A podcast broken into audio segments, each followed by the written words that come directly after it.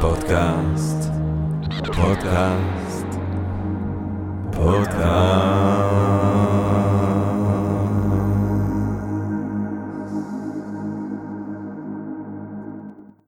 טוב, אה, גבירותיי ורבותיי, ברוכות וברוכים הבאים לפודקאסט של Think and Ring Different, פודקאסט למי שאוהב לחשוב ולשתות. אני ג'רמי פוגל, ואנחנו רוצים קודם כל להודות לתובל רוזנבסר מ-Think and Ring Different, שהיום אנחנו מקליטים בעצם אצלו בבית בגלל ההנחיות אה, של הקורונה, אנחנו לא באולבן הרגיל שלנו, אנחנו מקליטים כאן מהבית. אה, היום אנחנו רוצים לדבר על תרפיה וכשחשבתי לקחת הפודקאסט שלנו היום אני כמובן נזכרתי בבכתה פפנהיים.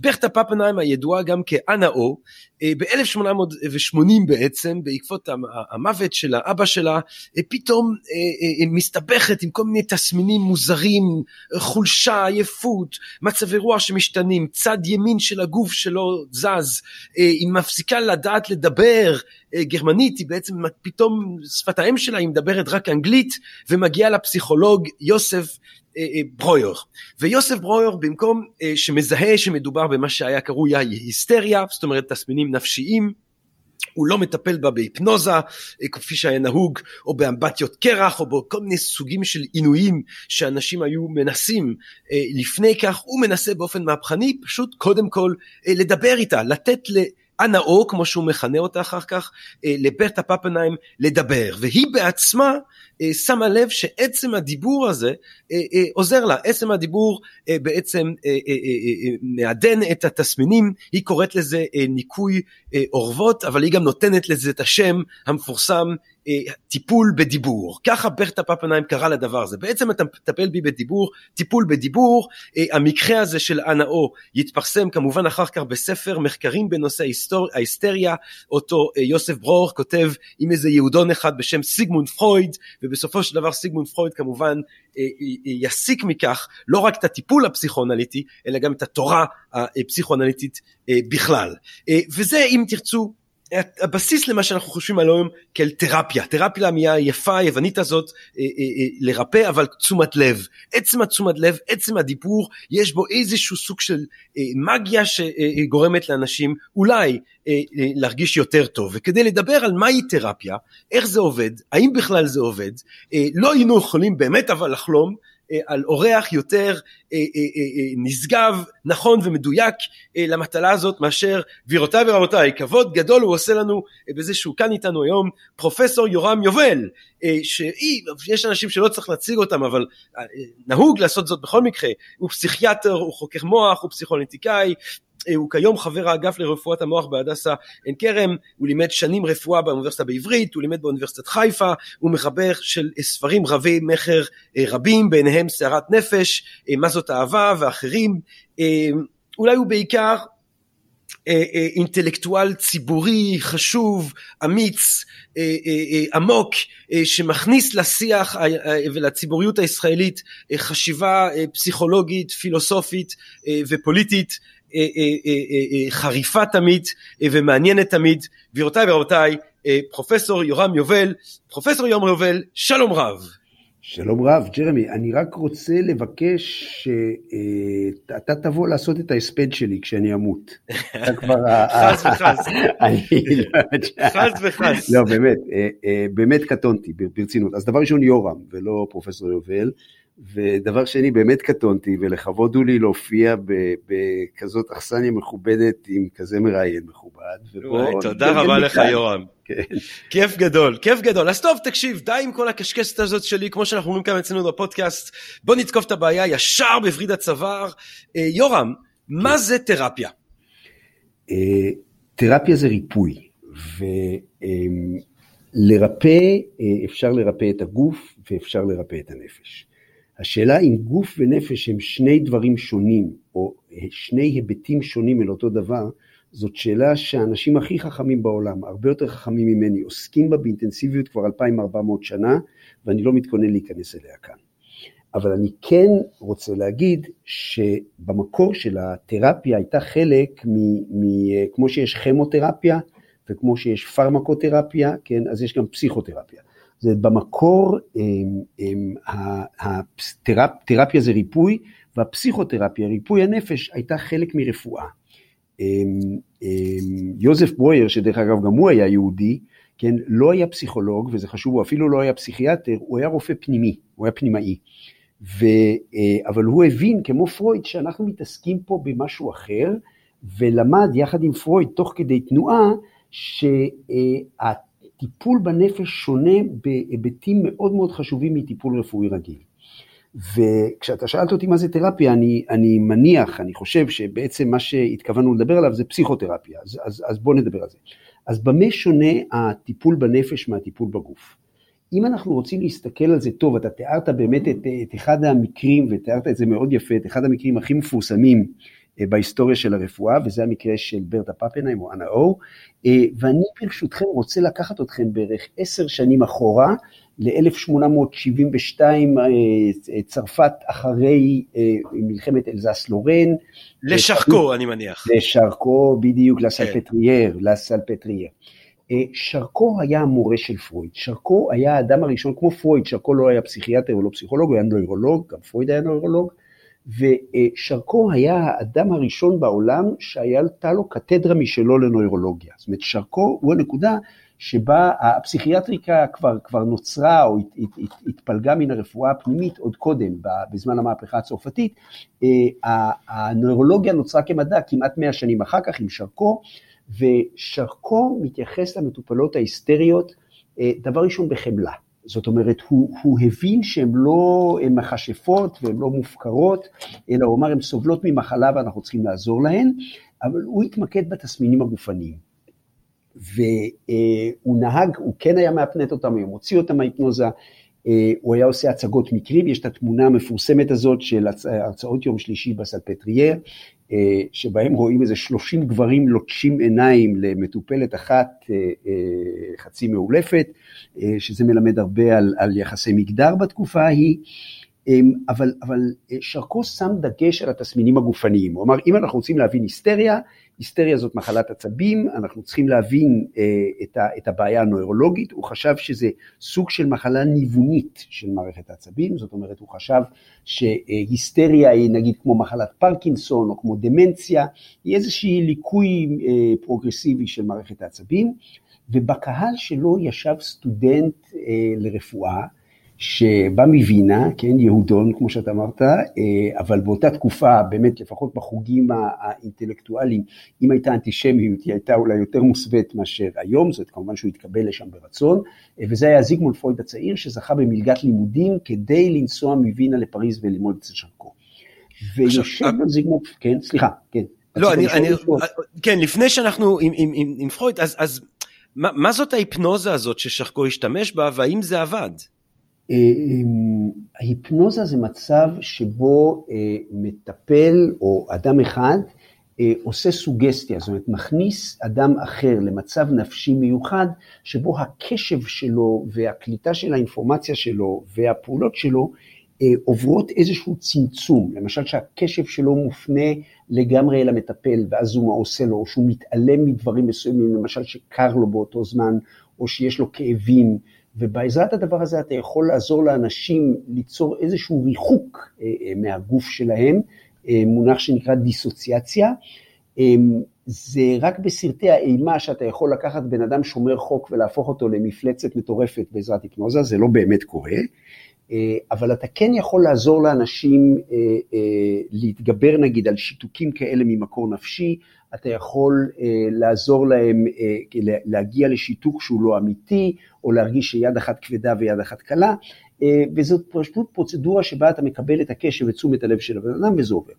והיה נהוג לטפל, כמו שאתה אמרת, ועד היום אפשר לטפל בדברים מסוימים בהיפנוזה, אבל סך הכל התוצאות של זה לא היו משביעות רצון. זאת אומרת, שרקו הראה שהוא יכול את המטופלות ההיסטריות האלה לרפא במרכאות בעזרת ההיפנוזה שלו, אבל זמן קצר אחרי זה זה היה חוזר. זה, זה לא היה טיפול משמעותי, והוא מציג אותם לראווה, הוא מראה את הקונטרקטורות שלהם, איך היא לא יכולה להזיז את היד, ואז היא כן יכולה להזיז את היד, ויושב יחד איתו, ב, ב, אמ, יושב בסלפטרייר פרויד הצעיר, וחושב ששרקו מפספס משהו. זאת אומרת, אם אנחנו רוצים אה, להבין את המטופלת הזאת, זה לא מספיק ש-30 רופאים יסתכלו עליה. כי אם אנחנו רוצים להבין מה הביא אותה למצב הזה, שבו היא משותקת בחצי גוף ויש לה אה, סיוטים וכולי, אנחנו צריכים לא רק להסתכל עליה, להתבונן, אלא אנחנו צריכים רק גם להקשיב. והיא לא תספר לנו את מה שחשוב שאנחנו נבין אם 30 אנשים זרים מסתכלים עליה. ובזה בעצם פרויד, כן, ביחד עם ברויר שהיה המנטור שלו, מבינים, כמו שהבין ברויר עם, עם אנה אור, שכדי שהדבר הזה יצליח, זה לא מספיק שתהיה שיחה, אלא צריך להיות קשר מסוים. זאת אומרת, טיפול נפשי זה לא שני אנשים יושבים בחדר ומדברים על הבעיות של אחד מהם. טיפול נפשי זה שני אנשים יושבים בחדר ומדברים על הבעיות של אחד מהם והדלת סגורה. זאת אומרת, יש איזושהי אינטימיות, יש איזושהי הבטחה של דיסקרטיות, יש איזושהי הזמנה, תגיד לי או תגידי לי את כל מה שעל על הלב שלך, ואני לא אצעק, אוי כמה מכוער, אוי כמה נורא, אוי כמה מצחיק, אוי כמה מגעיל, כן? אתה יכול להגיד פה הכל והכל בסדר. ובמצב כזה, שזה לא מצב של היפנוזה, בן אדם באופן טבעי, כמו אנחנו מול כומר מוודא שאנחנו נותנים בו אמון, כמו אנחנו מול חבר או חברה טובים, יכולים להתחיל לפתוח את צפונות ליבנו. ומה שברויר ופרויד אה, אה, גילו ביחד, ואחרי זה פרויד המשיך בזה לבד, אחרי שברויר נבהל והפסיק בכלל את, גם את הטיפול באנה אור וגם את העיסוק שלו בפסיכותרפיה בפרט, בכלל, בנסיבות שאולי נדבר עליהן כי הן מעניינות, פרויד ממשיך ומנסה להבין מה קורה פה, ובהדרגה הוא מגלה שהוא גילה חלון חדש, חלון שלא ידענו שהוא קיים קודם, לתוך עולמו הפנימי של האדם. חלון אה, שהיה אה, חשוף לנו קודם רק בתופעות כמו חלומות. ושם הוא מוצא עולם חדש, וזה אותו דבר שהוא קרא לו בהמשך פסיכואנליזה, ושהביא אותו לתאר מודלים של הנפש שדיברו על מודע ולא מודע, and the rest is history. אבל בואו אולי אני אעצור פה ובואו נראה אם יש שאלות או אנחנו רוצים... כמובן, אז תראה, אם אני לא, אם, עכשיו אם אני אה, מבין נכון, בעצם אה, אה, אה, פרויד שגם היה אה, אה, סטודנט נלהב של מדעי הטבע, אה, נורא אהב את הרעיון של אה, חוק שימור האנרגיה. כן. ואם אני, ותתקן אותי אם אני טועה, אבל המנגנון שהוא חושב שעזר לאנשים בטיפול, זה שהאנרגיה שאנשים נאלצים להשתמש בה כדי לדחוק מחשבות מאיימות אה, אה, לתת מודע, זה אנרגיה שאין להם כדי לפעול באופן יצירתי, ואם הרבה מדי אנרגיה מופנית למחשבה שהיא מאיימת מאוד מאוד, ולכן צריך המון אנרגיה כדי לדחוק אותה החוצה, או, או לדחוק אותה פנימה אם תרצה לתת מודע, לא נשאר מספיק אנרגיה כדי לפעול באופן אקטיבי, ועל כן נופלים לתסמינים האלה ההיסטריים. כן, זאת הייתה אחת התיאוריות הראשונות שלו, ואכן אתה צודק לגמרי, ובגלל זה עד היום טיפול פסיכואנליטי נקרא גם טיפול פסיכודינמי.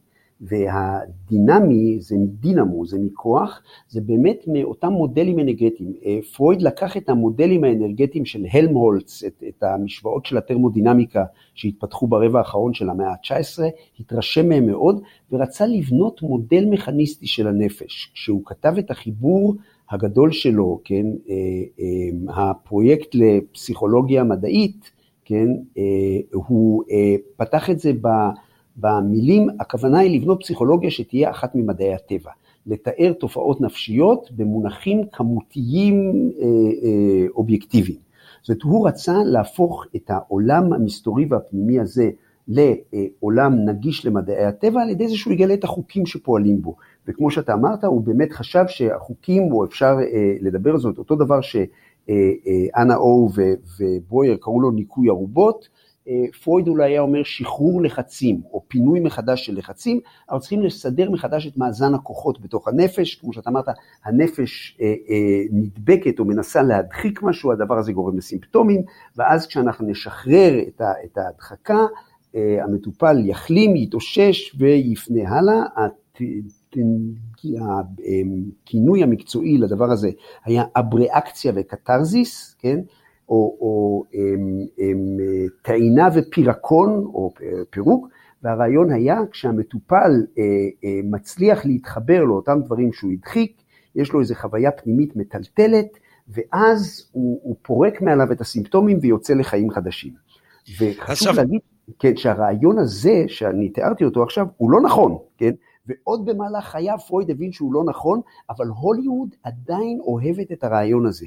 והרוב הסרטים שבהם אנחנו רואים פסיכולוג או פסיכואנליטיקאי מטפל במישהו או במישהי בהוליווד, הם עונים לקריטריון הזה. כן? תחשבו אפילו על, על Analyze This, או, או uh, Good Will Hunting, כן? Will Hunting הטוב, או נסיך הגאות והשפל. זאת אומרת, בכל המקרים האלה יש גיבור שהוא מיוסר והוא פונה למטפל או למטפלת, ובעזרת טיפול רחום הם מביאים אותו לנקודה שבה הוא משחזר את הטראומה, והוא צועק והוא בוכה והוא מחבק והוא זה, והנה הוא יוצא לחיים חדשים והכל בסדר.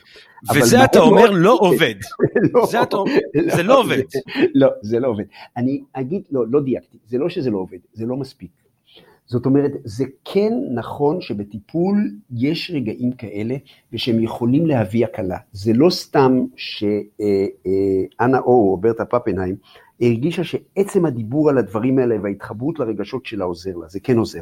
אבל זה לא מספיק לעשות את השינוי לאורך טווח. עכשיו אנשים צריכים להשתנות באמת. והשינוי הזה לא יכול להיעשות באמצעות הוקוס פוקוס של איזשהו דבר חד פעמי. למרות שב-120 השנים שחלפו מאז, אה, יש כל הזמן אופנות חדשות של אנשים שאומרים שהנה בטיפול אחד אנחנו נצליח להפוך אותך לבן אדם חדש ויש לנו את הטיפול הנפשי הזה או יש לנו את הטיפול הרפואי הזה. אה, קשה מאוד מאוד מאוד להשתנות. ולשאלה האם זה עובד, אז אנחנו צריכים לחזור עכשיו חזרה לאנה או וליוזף ברויר ולשאול אם זה עבד, אז מה עבד. והיום יותר ויותר אנחנו מבינים שמה שעבד ומה שריפא את אה, אה, אנה או, לפחות באופן זמני, היה הקשר שלה עם ברויר, קשר אנושי. אותו דבר שהמטפל או המטפלת מציעים למטופל שלהם, זאת אומרת, אתה יכול לתת בי אמון, כן, אני באמת רוצה להבין אותך, אני רוצה לעזור לך, שום דבר שתגיד לא יהיה מפחיד מדי, או נורא מדי, או מגעיל מדי, או מצחיק מדי, או מפתה מדי בשבילי, ואנחנו שנינו יכולים לשבת פה ביחד ולנסות להבין את הנפש שלך. והקשר שנוצר ביניהם בדבר הזה, בסופו של יום, אחרי 120 שנה, אנחנו יודעים שהוא המנגנון העיקרי שבו הפסיכותרפיה הזאת מבית מדרשו של פרויד עובדת. זה לא אומר שאין מנגנונים אחרים, אבל בסופו של דבר מה שמרפא זה הקשר האנושי. מעניין מאוד, אתה יודע, זה מזכיר לי את הסיפור גם עם אה, עוד אחד מהמקרים של פרויד, אה, איש הזאבים. כן. שניגש לפרויד בדיכאון עמוק, ובסוף הם מגיעים לאיזשהו חלום עם זאבים, ו- ואיזשהו זיכרון שהוא רואה את ההורים שלו עושים סקס כן, בצורה כן. מאוד אלימה, doggy style, פה ושם, ופרויד כל הזמן בעצם חושב שאיש הזאבים הוא הומוסקסואל שמדחיק את, ה- את הנטייה שלו, ואיש הזאבים כל הזמן אומר לו, אני לא חושב, ופרויד אומר לו, לא, לא, אתה כן, והוא אומר, אני לא חושב. בסוף, אה, אחרי שפרויד מת, שאלו אותו, אה, מה, ההשלכות של הטיפול, אז הוא אומר, זה לא עזר, הכל עדיין אותו חרא, ועכשיו אפילו פרויד כבר אין.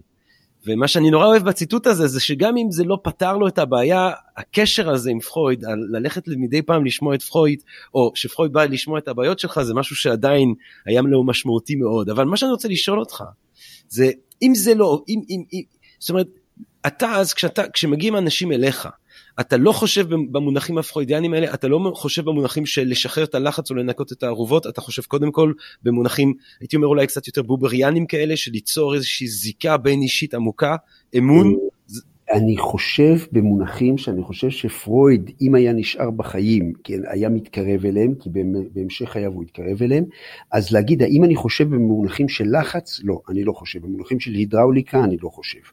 אבל הרעיון של טיפול פסיכודינמי, זאת אומרת עולם המושגים ועולם ההיפותזות והמנגנונים של הנפש, כמו שפרויד גילה אותם או הסיק אותם בעקיפין אה, מתוך ההתבוננות שנתנו לו המטופלים שלו לתוך הנפש שלהם, הן עדיין משמשות אותנו היום, והן משמשות אותנו היום בטווח מאוד מאוד רחב של טיפולים. זאת אומרת, זה לא רק בפסיכואנליזה מבית מדרשו של פרויד, באותו טיפול של חמש פעמים או ארבע פעמים בשבוע, כל פעם שעה, בספה וכולי, כמעט אף אחד לא עושה את זה יותר היום.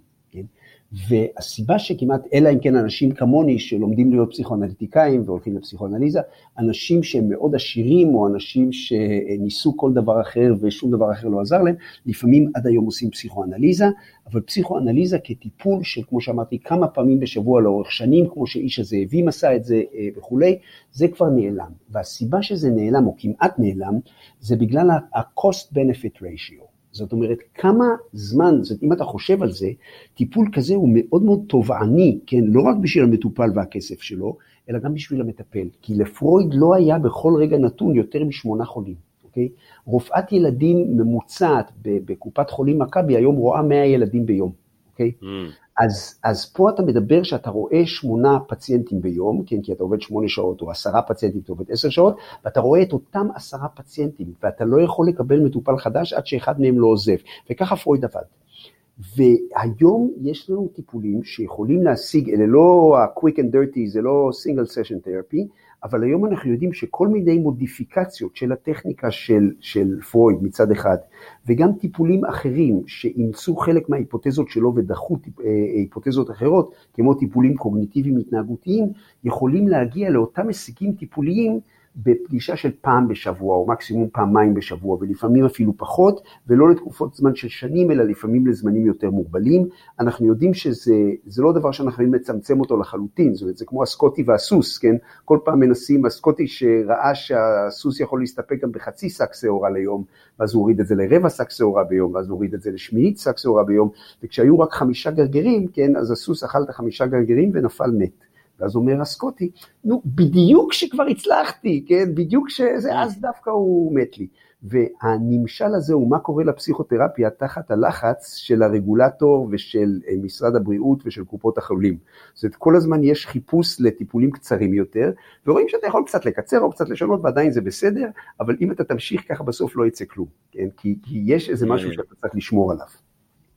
אז אולי אני רוצה לשאול אותך באמת, בהינתן כל התובנות והמחקר והחשיבה ובעיקר אולי הניסיון אה, אה, מאז פרויד, אה, אתה בתקופה שהנחית את שיחות נפש, היית מתחיל, היית אומר, לא התכנסנו לטיפול אלא לשיחת נפש, אבל ברגע שאתה מתכנס למישהו עם טיפול, ברגע שאתה יושב שם ומישהו בא אליך לטיפול, מה, מה, למה, למה אתה מסתכל? מה אתה מקווה לנסות ליצור? אני מנסה ליצור יחד, אני מנסה כמה דברים. אבל אה, מה שאני מנסה אותו, וזאת הסיבה שכל כך כיף ללכת לטיפול, וזאת הסיבה שחברות הביטוח לא ששות לשלם אותו, כי אני לא מכיר הרבה אנשים שהולכים בכיף לרופא שיניים, כן? זאת הם כל כך אוהבים את הרופא שיניים שלהם, שהם באים אליו לעיתים קרובות. אני מאוד מאוד אוהב את הרופא שיניים שלי, אנחנו למדנו יחד בבית ספר לרפואה, אנחנו חברים עד היום, אבל אני באמת רואה אותו רק כמה שאני צריך, ואתה לא תתפוס אותי, כן, אה, מנסה למצוא דרכים יצירתיות להגיע ולשכב על הספה, על הכורסה הנוחה שלו, כן. אה, אנשים בדרך כלל אוהבים להיות בטיפול, זה נעים, זה טוב, אה, זה עושה, זה עושה הרגשה טובה, וזה עושה הרגשה טובה כי אנחנו באמת, ו, וכאן נכנס כל אותו דבר שפרויד הבין אותו היטב, אה, וזה נקרא המסגרת הטיפולית, כי אנחנו יוצרים לנו מין חלל וירטואלי כזה, שיש גם חלל פיזי, שזה החדר עם הדלת הסגורה שדיברתי עליו, אבל באמת חלל וירטואלי שיש בו כללים, והכללים האלה בעצם אומרים ככה, מותר לנו להגיד הכל, גם לך וגם לי, מותר לנו להגיד הכל, כי אסור לנו לעשות שום דבר.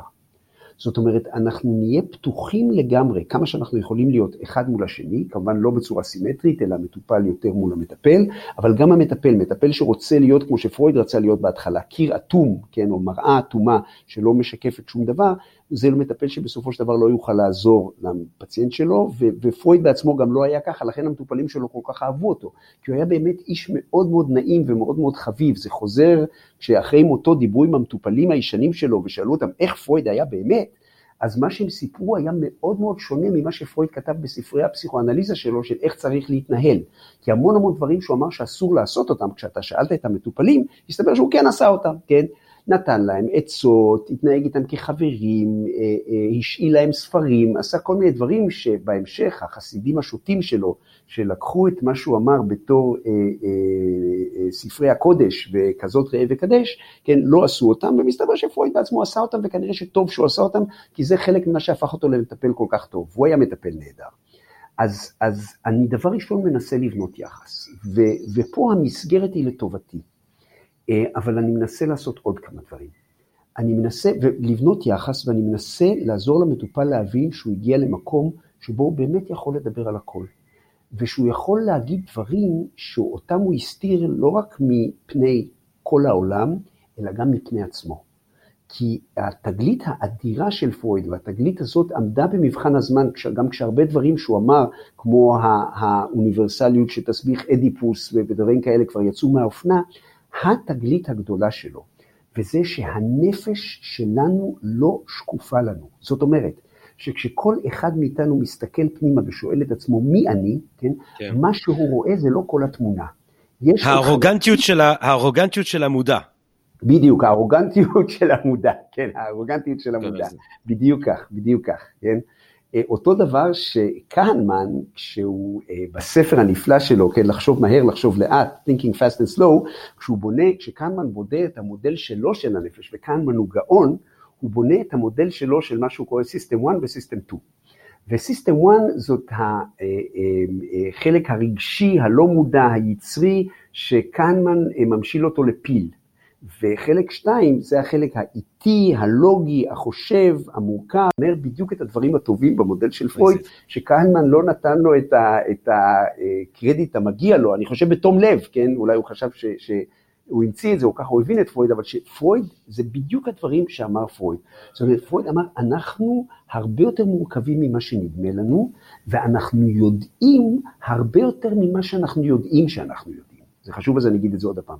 אנחנו יודעים, כל אחד מאיתנו, הרבה יותר ממה שהוא יודע שהוא יודע. יש עוד המון דברים שאתה יודע, ואתה לא יודע שאתה יודע.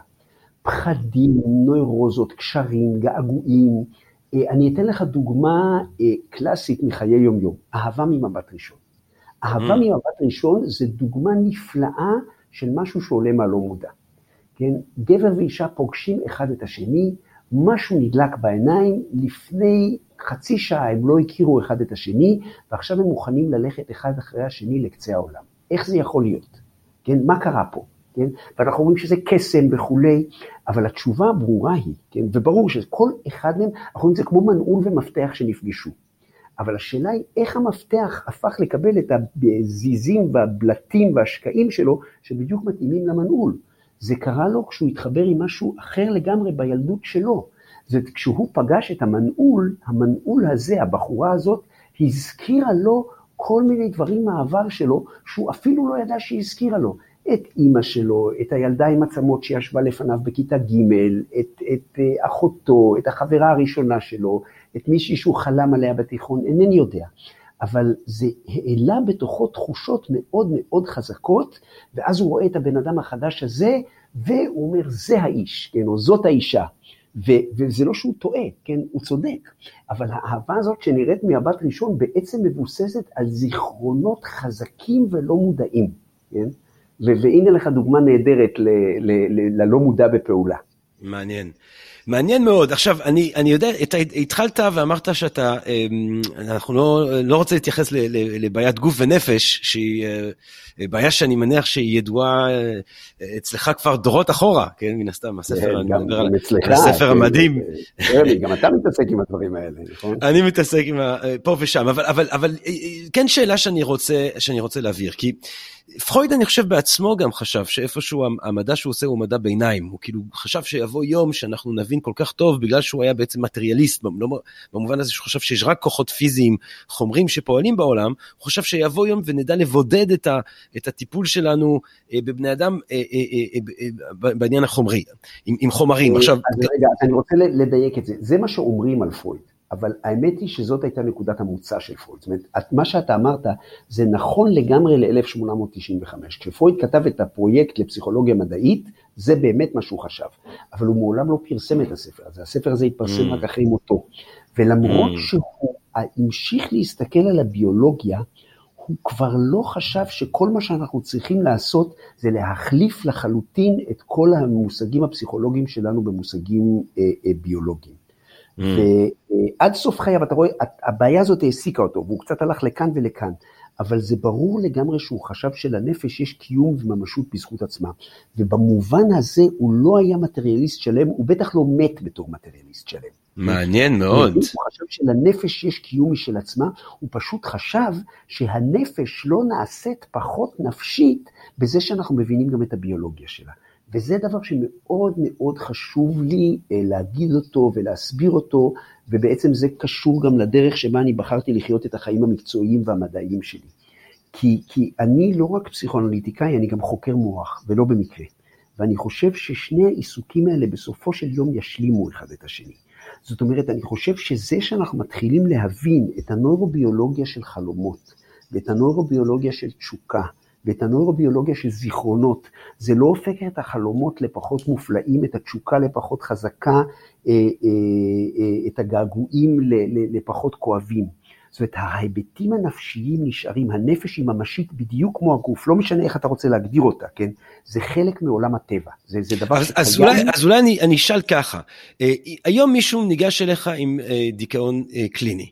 כפסיכיאטר אתה תיתן לו קודם כל גם טיפול תרופתי. לא בהכרח. לא בהכרח. לא בהכרח. לא בהכרח.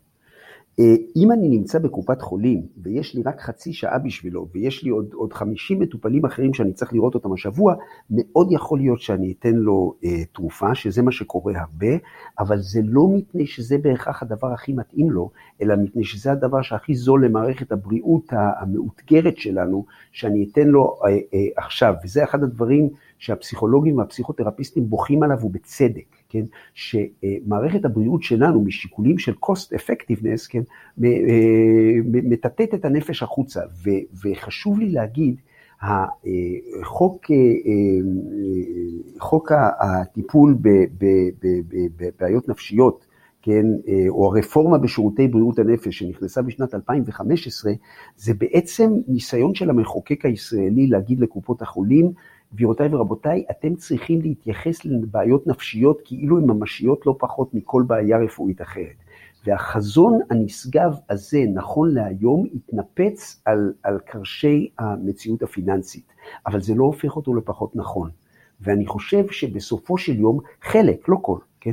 אבל חלק מהאנשים שהיום מקבלים ציפרלקס בפגישה פעם בחודש עם הפסיכיאטר, היו יכולים להרוויח יותר לו הם היו מקבלים טיפול פסיכולוגי ממוקד ונכון שמכוון לצרות שלהם. עכשיו, ישנם מצבים שבהם באמת הטיפול הנבחר או הטיפול הנכון הוא טיפול פרמקולוגי, ושאם לא תיתן אותו, הטיפול הפסיכולוגי לא יוכל לצאת לדרך או לא יוכל להתקדם.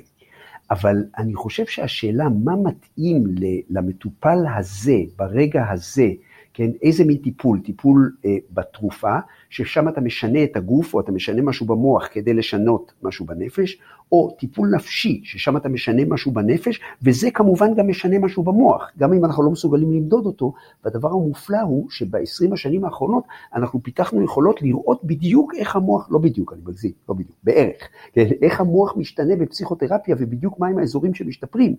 אה, אה, אנחנו יכולים היום לראות את זה בהדמיה, זאת השאלה מה מתאים למטופל הזה מפסיקה להיות שאלה אידיאולוגית והופכת להיות שאלה אמפירית, שאתה יכול להתחיל למדוד אותה.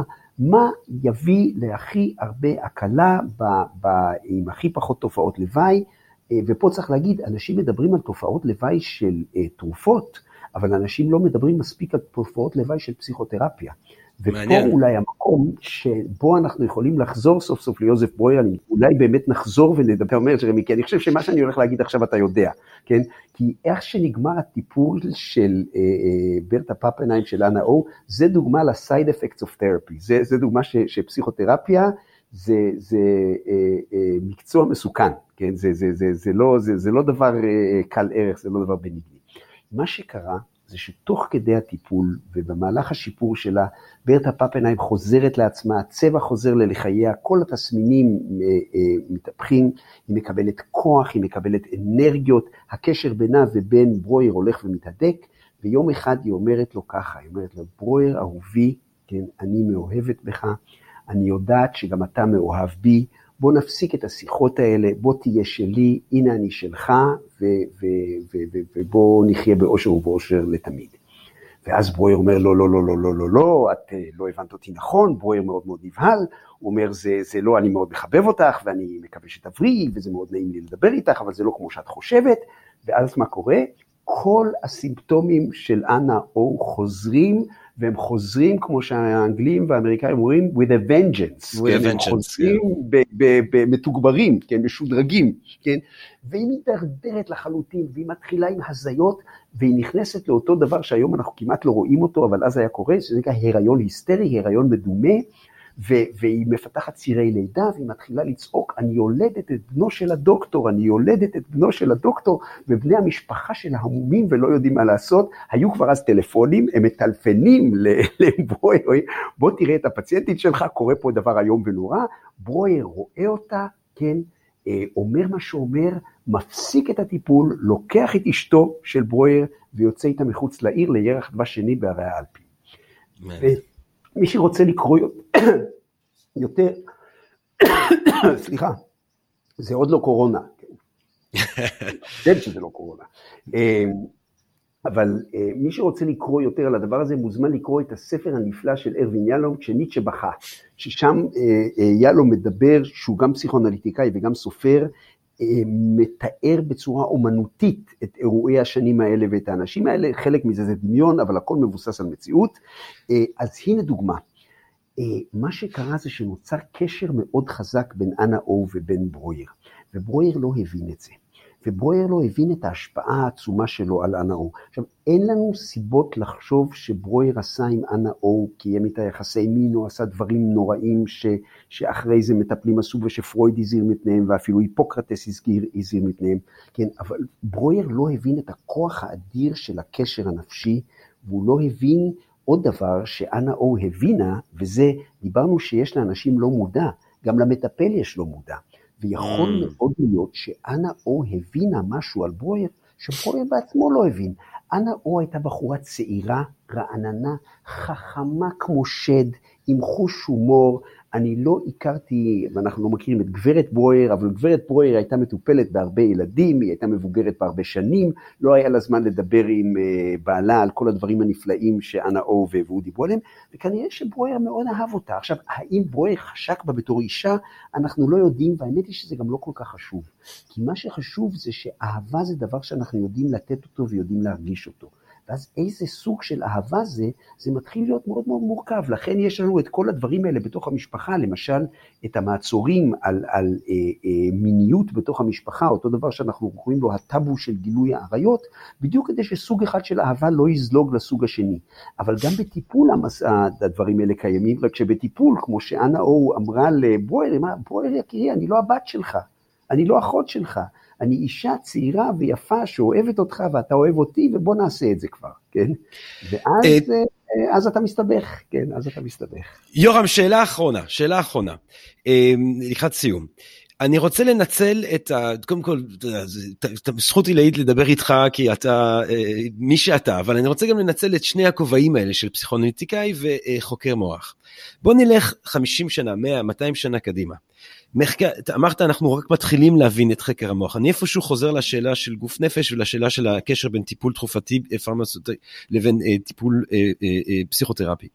וברגע שיהיה לנו מפה הרבה הרבה הרבה יותר מדויקת של התופעות הפיזיות שעומדות מאחורי או באיזשהו קשר עם התופעה הנפשית, האם עדיין יישאר צורך בפסיכותרפיה? האם בעיניך הדבר הזה הוא אה, אה, אה, זמני, או, או שברגע שנדע לדייק ממש ונדע לעשות ככה ניתוח פיזי הרבה הרבה יותר מדויק של דיכאון קליני, של מנדיה דפרסיה, נוכל לעשות בעיקר טיפול תרופתי, או, או, או יש משהו בתרפיה שאי אפשר בלעדיו?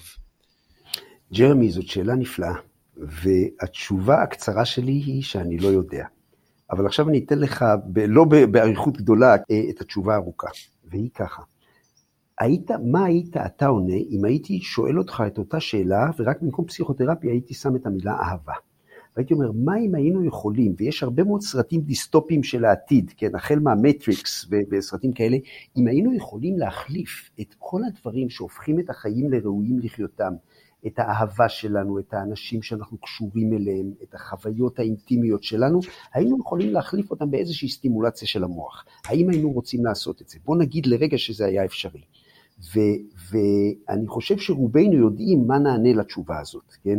זאת שגם אם היית יכול להחליף את, את בת הזוג שלך באיזשהו מקסם וירטואלי של, של מישהי יותר חתיכה, יותר צעירה, יותר יפה, יותר uh, כל מיני דברים שאני חושב שלא טוב לדבר עליהם בפודקאסט לכל המשפחה, כן? עדיין uh, אני חושב שרובנו היו אומרים, תן לי את, את האדם האמיתי שאני כל כך אוהב אותו, ותשמור את הדברים הווירטואליים שלך למשחקי מחשב.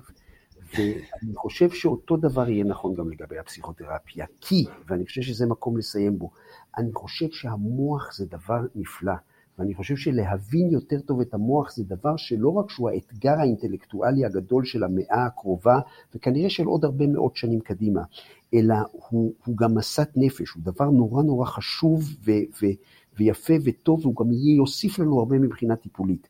אבל, ו, ובמובן הזה אני לא מטריאליסט, כן, אנחנו, אנחנו אה, קוראים למטריאליסטים האלה אה, מטריאליסטים עקשנים, כן, או, או, או מטריאליסטים קשי עורף, כן, ש, שהמטריאליסט בעצמו, הוא אוהב את אשתו, הוא שונא את האנשים האחרים, הוא אומר הכל מולקולות, אבל הוא לא מתנהג כאילו הכל מולקולות. כן, אז אני אגיד, אני חושב שתמיד הנפש תישאר בתור משהו, ולא משנה איך אנחנו רוצים לקרוא לו, ולא משנה איך אנחנו רוצים להסביר אותו, כל אחד מאיתנו מכיר את העולם הפנימי הסובייקטיבי העשיר שלו, ולעניות דעתי, האמיתיות של העולם הזה, והרעננות של העולם הזה, והרלוונטיות של העולם הזה, והקסם של העולם הזה, לא נפגעים כהוא זה מן העובדה שאני יותר ויותר מבין את הביולוגיה של זה. ואני חושב שפה שווה לסיים. פרופסור יורם יובל, תודה רבה רבה רבה רבה לך אה, בימים קצת מטורפים האלה שהתפנית מזמנך הכל כך עמוס אה, לבוא לדבר איתנו, היה כיף גדול. אז גם לי היה כיף. תודה רבה לך, תענוג עילאי. אני גם רוצה להודות... הלוואי שיהיו, אה, הלוואי שיהיו שמחות, הלוואי שיהיו שוב בקרוב גם הרצאות אה, כן, ב-think and drink different ובמקומות אחרים. אה, וגם תודה לכם, המאזינות והמאזינים היקרות והיקרים שלנו. אני מקווה שאתם בטוב ושאתם נהנים מהפודקאסים שכבר הקלטנו, מאלה שעוד נשמח להקליט בעתיד. תודה רבה ונשתמע, ותהיו בריאים כמובן. להתראות, להתראות. להתראות. תודה יורם, תודה רבה לך, היה מטורף, היה סופר מעניין, תודה. גם לי. תודה, תודה, כל טוב. פודקאסט, פודקאסט, פודקאסט.